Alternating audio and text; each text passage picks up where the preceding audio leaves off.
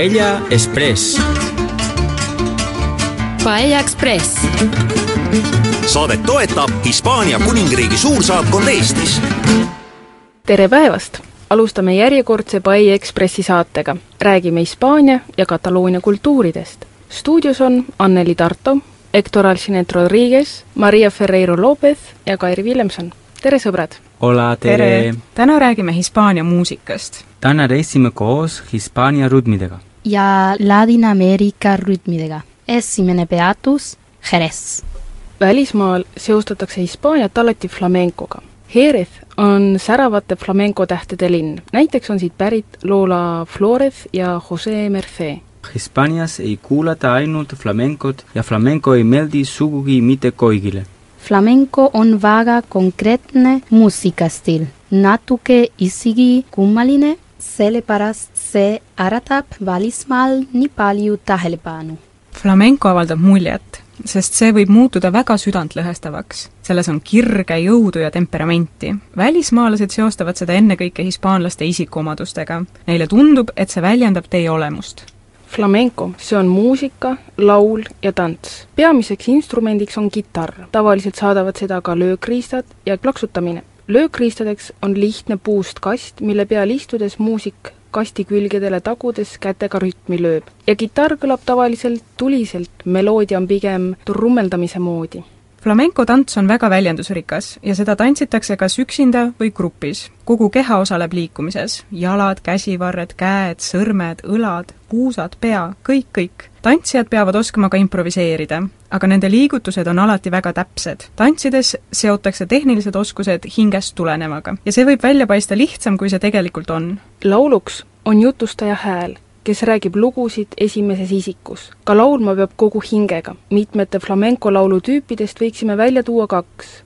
Honda ja Grande. Flamenco Honda on traagilise tooniga sügavasisuline laul.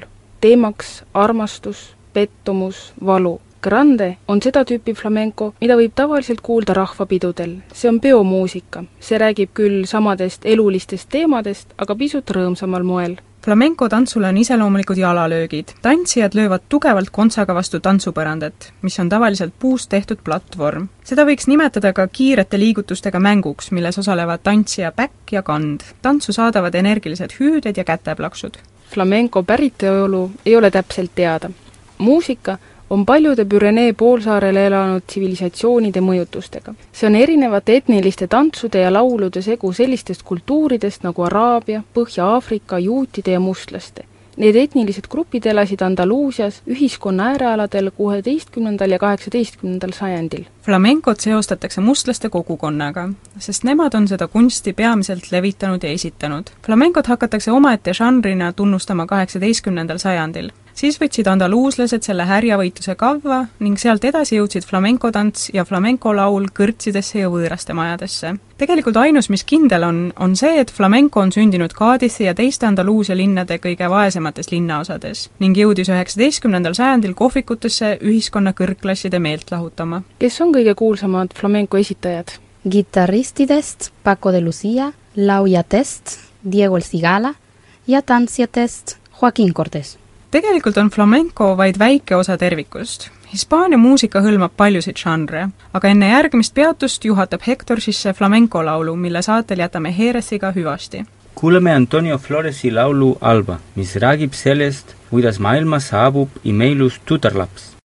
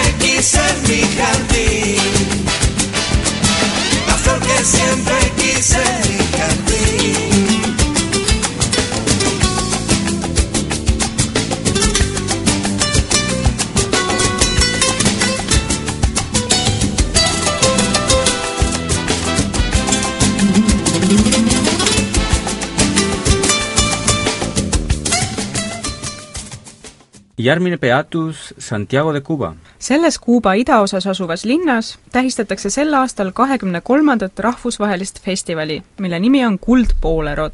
enne Havannat oli Kuuba pealinnaks Santiago de Cuba ja see on kuulsate poeetide, poliitikute ja lauljate linn. näiteks on siit pärit Ibrahim Ferrer, aga ka Poolero isaks kutsutud Pepe Sanchez. arvatakse, et Poolero on pärit Euroopast, Hispaania Poolero rütmidest. see on üliromantiline muusika räägitakse, et Hispaania boolero jõudis Santiago de Cubasse üheksateistkümnenda sajandi lõpupoole, kus seda lauldi kuubalikus võtmes. uued artistid lõid Hispaania boolerost oma versiooni ning autentse Kuuba boolero tähiseks võib pidada Pepe Sanchez'e Tristezas. boolero jõudis pealinna Havannasse ja muutus seal esteetilisemaks ja isikupärasemaks varsti aga ületas piirid teiste Ladina-Ameerika maadega, kuni jõudis ringiga tagasi Euroopasse. mis on bolero, kuidas seda kirjeldada võiks? see on tundlikum muusikažanr, mis on kestma jäänud sest Bolero räägib inimlikest väärtustest. Bolero teemad võivad olla väga rõõmsad või kurvad, aga need teemad on alati südamega seotud.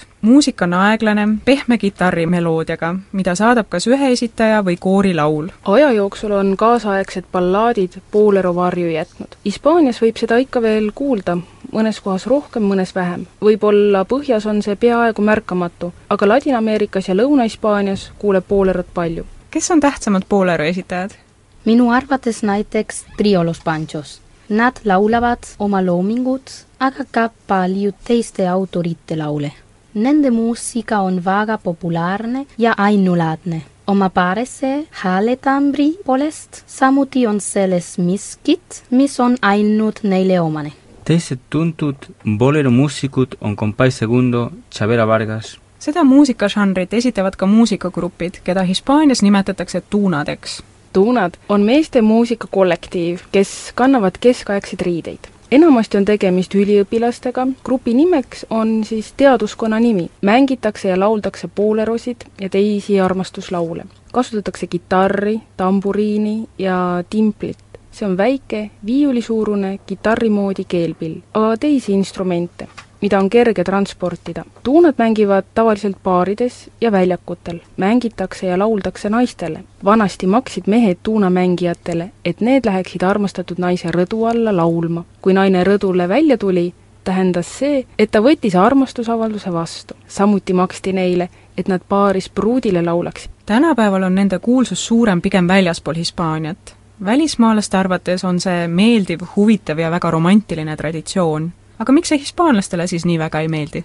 Hispaanias on tunnad oma voolu kaotanud võib-olla sellepärast, et tänapäeval peetakse sellist tunnete kuulutamist ja romantilist muusikat pretensioonikaks. või sellepärast, et tuunamuusikud said aja jooksul naiste valutajate, matsiode ja valetajate maine räägime selles peatuses ka Ladina-Ameerikast tulnud muusikast. paljud välismaalased arvavad, et salsa on Hispaaniast pärit. aga see pole tõsi, teie tõite selle hoopis Ladina-Ameerikast sisse. salsa rütmidel on juured Dominikaani Vabariigis, Puerto Ricos, Kuubal ja Kolumbias salsa terminit kasutatakse tavaliselt ka teiste rütmide kohta, mis tegelikult polegi päris salsa. salsa on pärit Aafrika rütmidest ja sealsetest religioossetest riitustest ning salsa erineb teistest Ladina-Ameerika tantsudest nagu bachata, cha-cha, kumbia, samba, son, isegi tantsitakse igal pool natuke erinevalt. praegusel ajal on moes kommertslik salsa,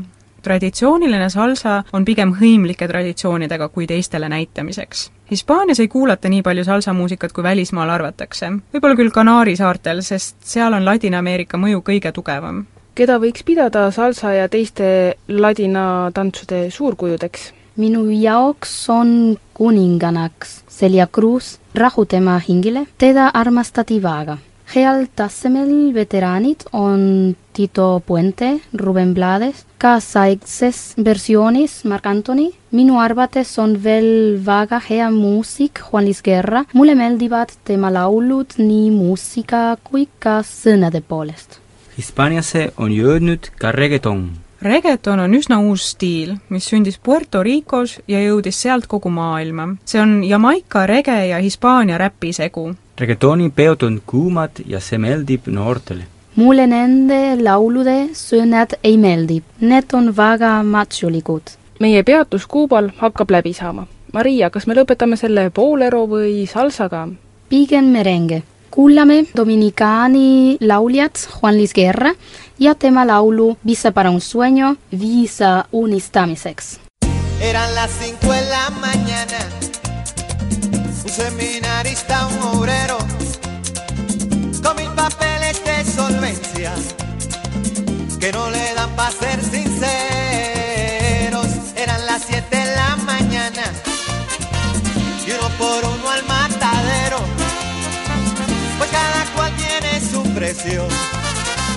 buscando visa para un sueño.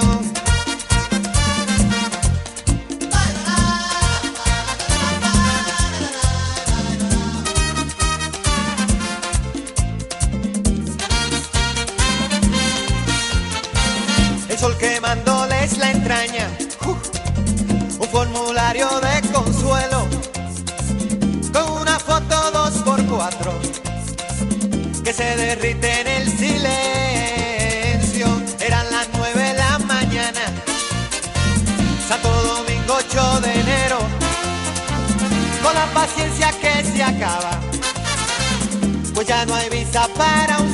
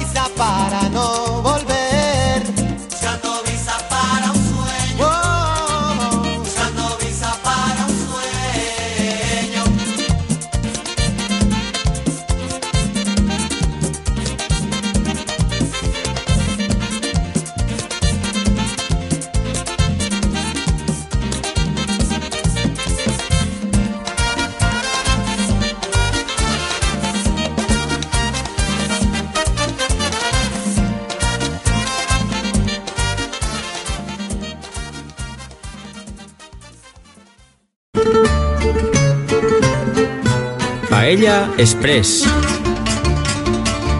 Paella Express. saadet toetab Hispaania kuningriigi suursaatkond Eestis järgmine peatus Madrid, Madrid, Madrid, Madrid, Madrid. Madrid. nüüd peatub Paia Ekspress Madridis ja teeme seda härjavõitlusel kõlavate helide saatel.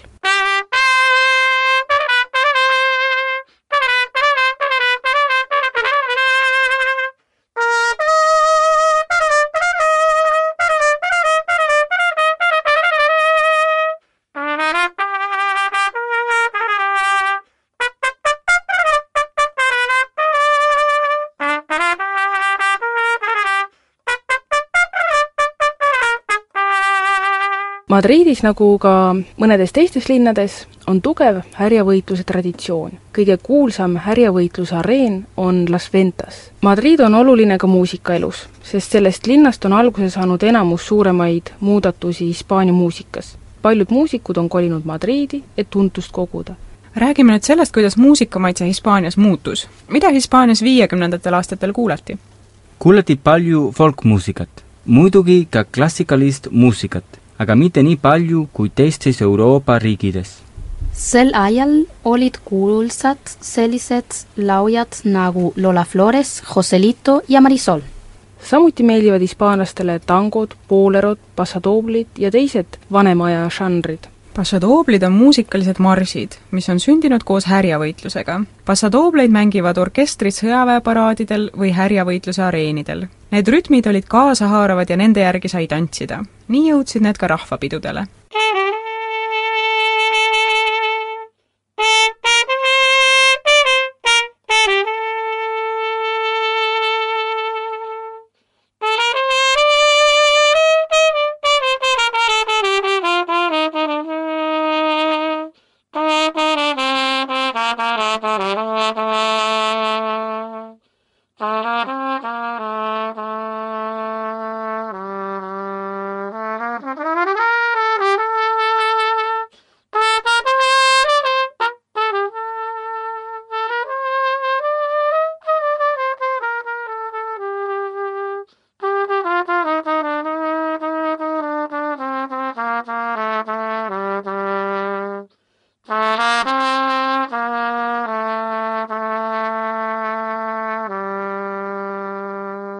See kergete ja kaasahaaravate sõnadega rahvalaul on kõige tuntum.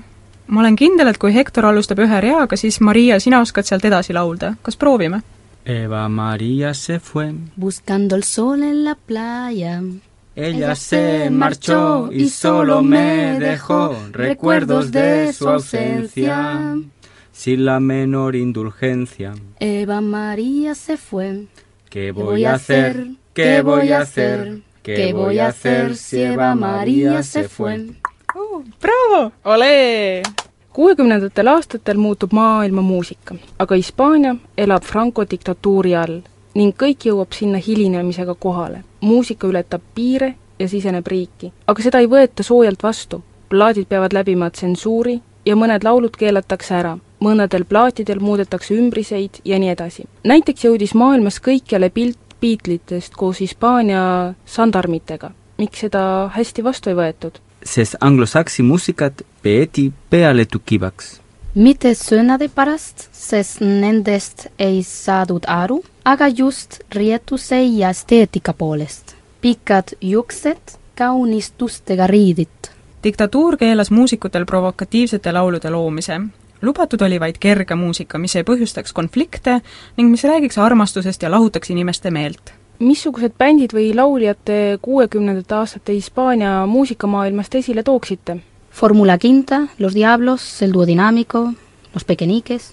tasahilju imbuvad siiski Hispaanias uued muusikalised suunad. Hispaania artistid hakkavad oma repertuaari moodsaid anglosaksi rütme süstima ja välismaiseid laule hakatakse erineval moel töötlema. Beatlesid ja Elvis Presley triumfeerivad loomulikult ka Hispaanias. eriti edumeelsed kuulavad juba Rolling Stonesi, Queen'i ja Genesist.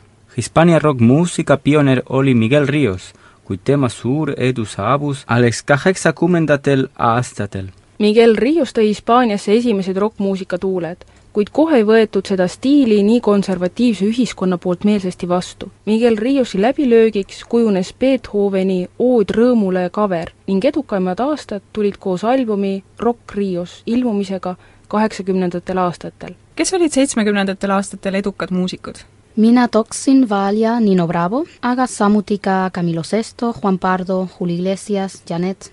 praegugi veel kuulatakse nende laule. kuidas Nino Bravo laulud kõlavad? Al partir un beso y una flor.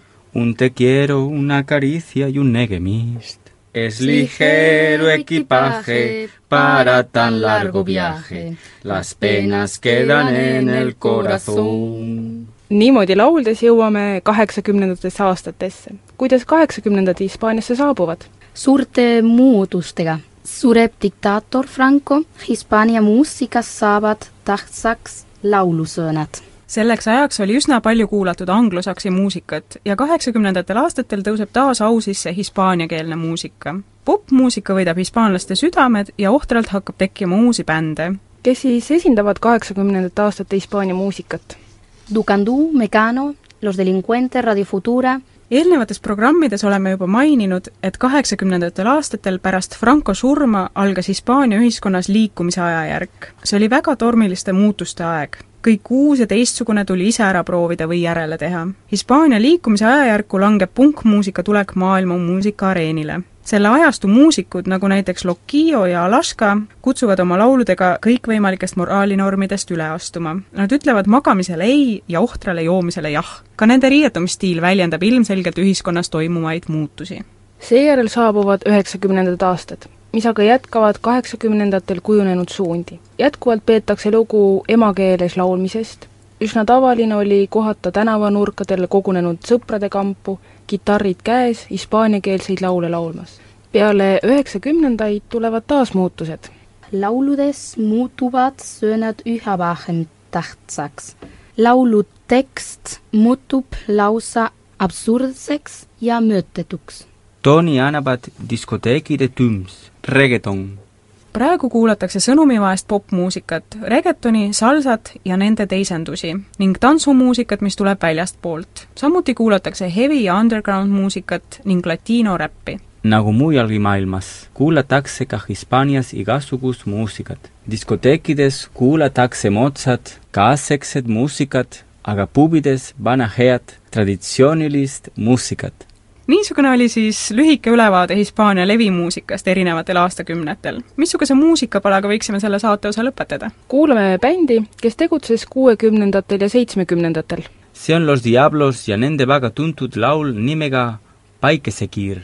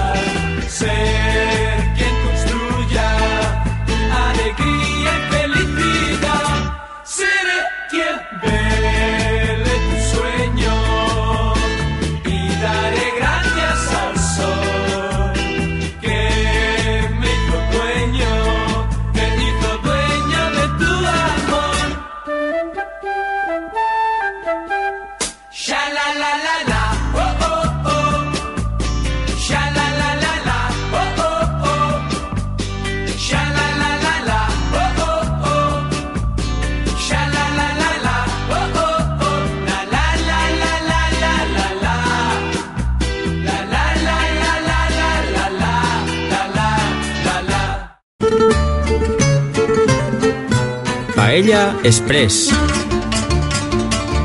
Paella Express saadet toetab Hispaania kuningriigi suursaatkond Eestis järgmine peatus Barcelona Ravalli linnaosa. Kataloonias või katalaani keelt kõnelevates piirkondades kujunes kaks muusikalist suunda, mis saavutasid väga tugeva kõlapinna nii Hispaanias endas kui ka väljaspool. missugused need kaks suunda olid? Rumba ja Nova Cançó. viimane neist oli omakorda tugevalt mõjutatud prantsuse uutest šansoonidest. rumba muusikalise suuna esindajateks oli näiteks pered, keda kutsuti ka Pescailla. ja Nova Cançó suuna esindajad olid näiteks Luis Llach, Raimon, Maria del Mar Bonet, Neid kaht muusikalist suunda iseloomustab see, et rumba juures oli tähtsaim rütm, meloodia, kõla veenvus ja kitarrimäng ning Nova Cançó juures sõnade revolutsioonilisus ja provokatiivsus.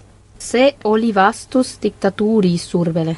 kuuekümnendatel aastatel võttis üks noortegrupp nimega Kuusteist kohtunikku eeskujuks Prantsuse protestilaulu tuhande üheksasaja kuuekümne kaheksanda aasta manifestatsiooni aegadest. ja nad laulsid põhiliselt katalaani keeles, mille kasutamine tol ajal oli keelatud. sama lugu oli muidugi ka baski ja galeegi keelega. laulutekstid olid metafooridest tulvil ja üha enam tekkis soov muutuste järele. see oli teie vanemate põlvkond ju. jah, need laulud oli väga tundud. aga isegi meie laulame neid. kõige sümboolsematest lauludest võiks esile tõsta Estacat. see on allegooria diktatuuri halvenevast olukorrast, mida võrreldakse vana puuga, mis tuleks välja juurida. seda laulu laulis Louis Jah, teine laul Alvent tuule käes kirjeldab olukorda, kus peab vastu tuult ehk diktatuuri olukorras võitlema. seda laulab Valencia muusik Raimon Si estirem fort ella caurà i molt de temps no pot durar. Segur que tomba, tomba, tomba i ens podrem alliberar. nüüd lähme aga edasi rumbaga, katalaani rumbaga. räägitakse, et osaliselt võivad selle juure tuletada flamenkosse, mida kahekümnenda sajandi alguses Leidas elavad mustlased kohandasid. rumbat võib kindlasti pidada üheks huvitavaks katsetuseks segada kokku afro-kuuba rütmid rokiga. peamised katalaani rumbat viljelevad esitajad on El Pescaia, Peret ja Cato Perez see muusikastiil sai hoo sisse tuhande üheksasaja viiekümnendatel aastatel Barcelona linnaosas Ravallis. Lauldakse segunemise eesmärgil nii hispaania kui ka katalaani keeles. rütmist võib kuulda erilisi helisid, mida tekitab leiutis, mida hispaania keeles nimetatakse ventilaatoriks. niimoodi kasutatakse kitarri kõlakasti mängimise ajal löökkriistana võib öelda, et kõige kuulsam katalaani rumba stiilis laul on tuhande üheksasaja üheksakümne teise aasta Barcelona olümpiamängude tunnuslaul Amigos para siempre, mida laulab bänd Los Manolos. Ärge öelge, et ma pean nüüd ka rumbat laulma. kuulame parem muusika asjatundjat. Tenemos hoy la suerte y la oportunidad de contar en nuestro programa con Carlos Capseta.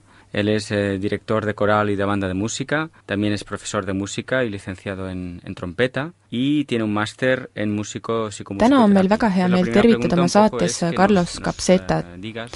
Ta on koorijuht ja orkestrijuht, ta on muusikaõpetaja, ta on lõpetanud trompeti eriala ning tal on ka magistrikraad muusikateraapias. et ähm, alustada paluksin sulle teha ülevaade Hispaania ja Kataloonia muusikast ähm, läbi ajaloo.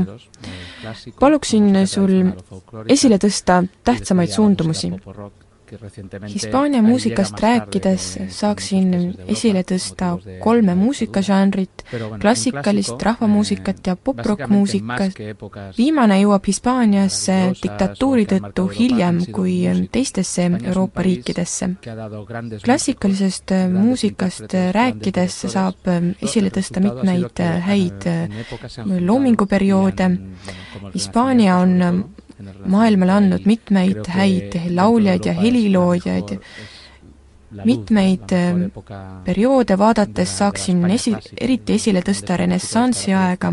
renessansi aeg on Hispaania klassikalise muusika õitseaeg, heliloojate seast tõstaksin esile Toomas Luis de Victoria, Luis de Milani ja Mateo Flecha, on suuri muusikaid oli Hispaanias väga palju Nad said oma hariduse Napolist, Itaaliast, hiljem nad kujundasid traditsiooni, mis on olnud eeskujuks teistele muusikaloojatele Hispaanias.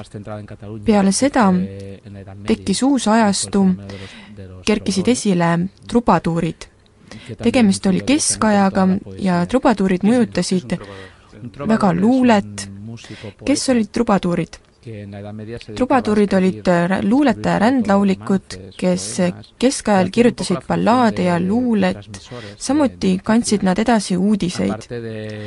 Nad tegelesid ka armastuse ja inimeste ja eelkõige naise ideaali kujundamisega. seejärel saame rääkida kolmandast suurest ajastust.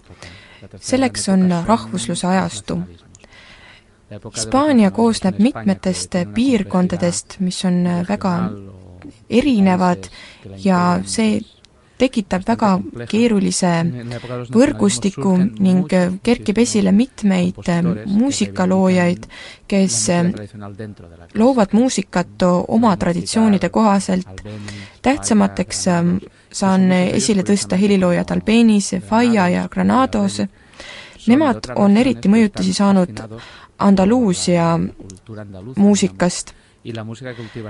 on ka palju teisi tähtsaid heliloojaid, kes, kellel on näiteks katalaani juured tõstaksin esile Pumpu, Toltra, Enric Moreira, Arraiga on ka üks helilooja, kes tegi väga palju rahvusliku muusika heaks Baskimaal.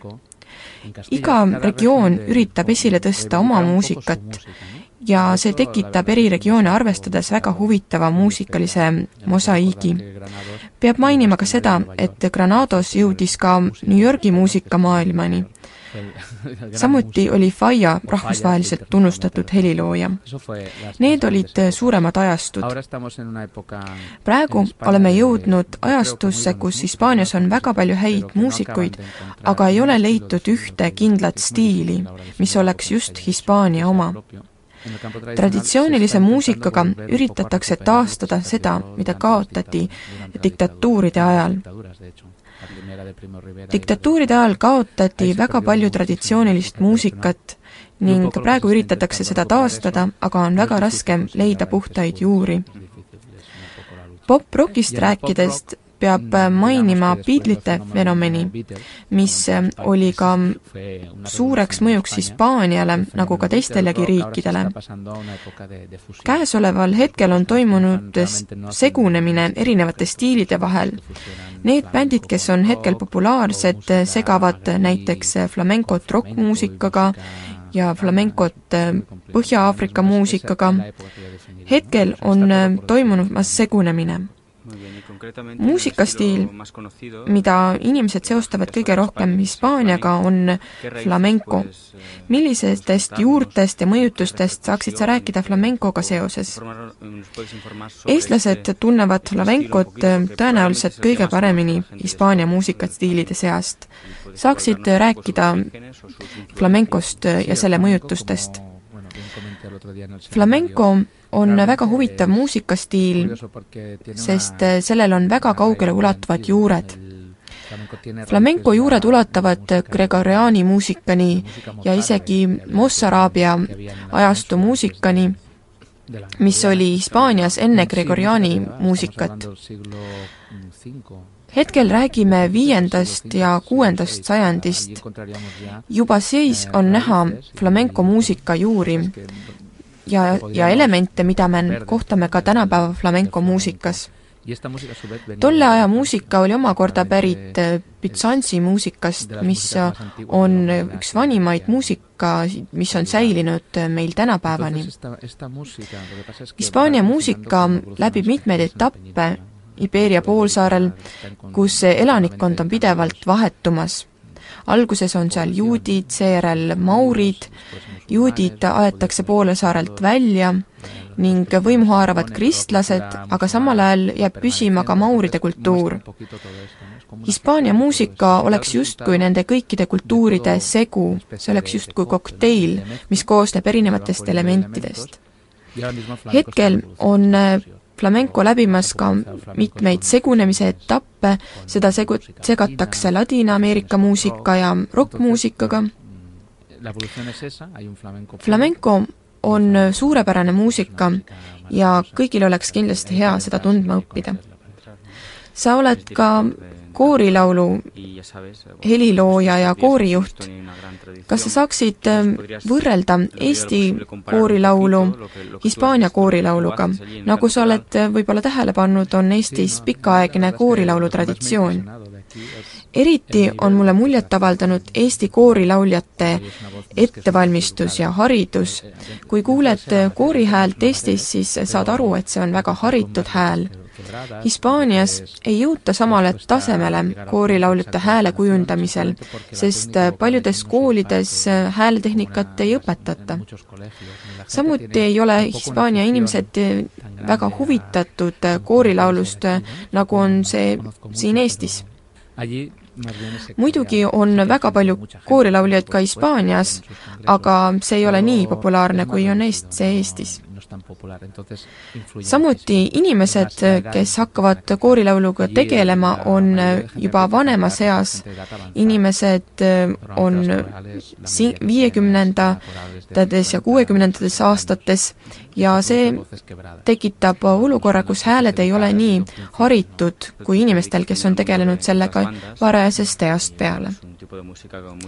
sa samuti tegeled orkestritega, see on üks väga energiline muusikatüüp, saaksid sa meile rääkida orkestrimuusika tähtsusest Kataloonias, Hispaanias ja eriti selle seosest pidudega? orkestrimuusikal on kaks poolt orkestrimuusika sobib ka, sobib sümfooniaorkestritele ja sümfooniamuusika tegemisele. linnades on elitaarsed orkestrid, kus tehakse sümfooniamuusikat, aga samas on igas külas ka oma orkester, mõnes külas võib neid olla isegi kaks või kolm orkester on selleks, et pidudel sündmust esile tõsta ja hispaanlased ei kujuta ette ühtegi pidu ja sündmust, kus ei oleks kohal orkester. see fenomen on levinud üle terve Hispaania, eriti palju on orkestreid aga Valencias, aga samuti kohtame väga häid orkestreid ka Andaluusias, Galiitsias, Castilla-La Manchas, Baskimaal, Aragonis ja ka Kataloonias on üks väga tähtis eh, orkestrite föderatsioon. sealt kujunevad eh, professionaalsete orkestrimuusikaga tegelejad, kes hiljem jätkavad kas hariduses või orkestritega tööd tehes. Pero todos han tenido una educación y la, y la banda lo bueno que tiene es que da unos estudios aitäh intervjuu eest ja suur tänu ka Tartu Ülikooli suulise tõlke magistrandile Malle Alarule. me ei ole veel kuulanud ühtegi kaheksakümnendate ja üheksakümnendate tuntud laulu. mis see olla võiks, Maria? üks väga tuntud laul on Eilne tudruk mida laulab bänd Natšapop. viimasel ajal on seda palju mängitud, sest eelmisel aastal suri Antonio Vega, kes oli selle bändi laulja ja helilooja. Natšapop oli väga kuulus kaheksakümnendate ja üheksakümnendatel aastatel. see bänd iseloomustab väga hästi tolleaegset muusikat.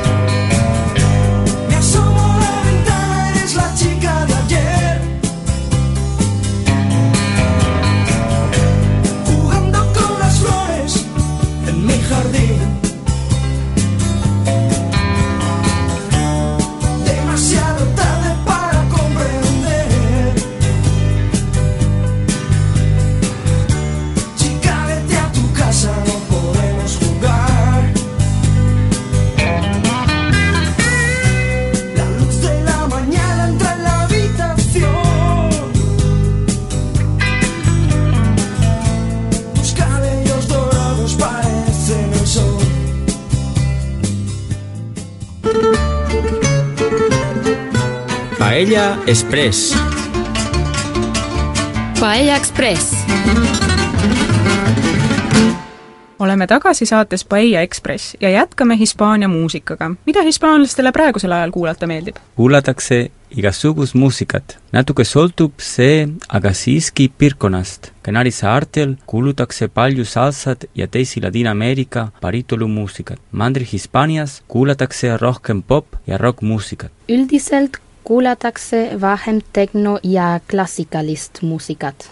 kas Hispaanias käiakse palju kontsertidel? üsna palju, ma arvan, et iga päevaga üha rohkem. teiste Euroopa riikidega võrreldes ei ole kontserdipiletid väga kallid mis te arvate, kas hispaaniakeelne muusika on ka praegu meelepärasem kui võõrkeelne? noored kuulavad muidugi üha enam inglisekeelset muusikat, samas on hispaaniakeelne muusika ikka südamelähedasem. Mitte seepärast, et see muusikaliselt parem oleks, vaid lihtsalt seepärast, et sellest saadakse paremini aru ka Hispaanias on üks raadiojaam, Cadena Dial, kus mängitakse ainult hispaaniakeelset muusikat ja nende motoks on kuulmine ei ole sama, mis arusaamine kui hispaanlased ja kataloniased kortsis tänaval või kellegi juures kodus kokku saavad, siis nad laulavad. laulmise juurde käib alati ka plaksutamine. Mis pilli seltskonnas tavaliselt mängitakse? kõige mugavam ja tavalisem on kitarr. kitarriga on muusika alati garanteeritud. kui kitarri ei ole, siis plaksutatakse rütmi. mängitakse ka väikest trummi või kasutatakse tühja aniisiviinapudelit. sest aniisiviinapudeli klaas ei ole sile, vaid lainjas ja puupulgakesega sealt üle tõmmates tekib heli, mida võiks iseloomustada kui kõrtsis kostuvat laulujorinat. Kas kitarri võiks pidada Hispaania muusika märksõnaks? see sõltub piirkonnast Hispaania muusikas kasutatakse palju tamburiini, mis on ilmselt vanim seni kasutuses olev Hispaania muusikaline instrument. klassikalise ehk Hispaania kitarri tekkimise juures mängis Hispaania suurt rolli. missugune on selle pilli lugu? Hispaania kitarrimeistrite käe all kujunes välja kahest sarnasest keskajal kasutusel olnud pillist klassikaline kitarr. Ühte mängisid Hispaania kristlased ja teist Hispaania musulmanid. klassikaline kitarr hakkas oma kuju võtma neljateistkümnendal sajandil, mil seda hakati kasutama rahvalaulude ja tantsude juures. kitarr arenes neljakeelsest kuuekeelseks ning Hispaania kitarrimeistrid said maailmakuulsateks. kas enne, kui me kuulajatega hubasti jätame, ütleme ka tänase päevasena?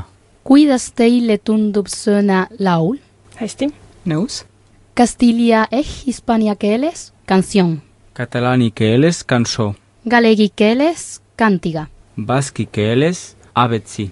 selline meie tänane saade oligi. järgmine kord räägime Hispaania lastest ja lapsepõlvest. lõpetuseks kuulame rokkbändi Héroes del Silencio lugu Maldito Duende. ilusat nädalalõppu ja kuulmiseni järgmisel laupäeval.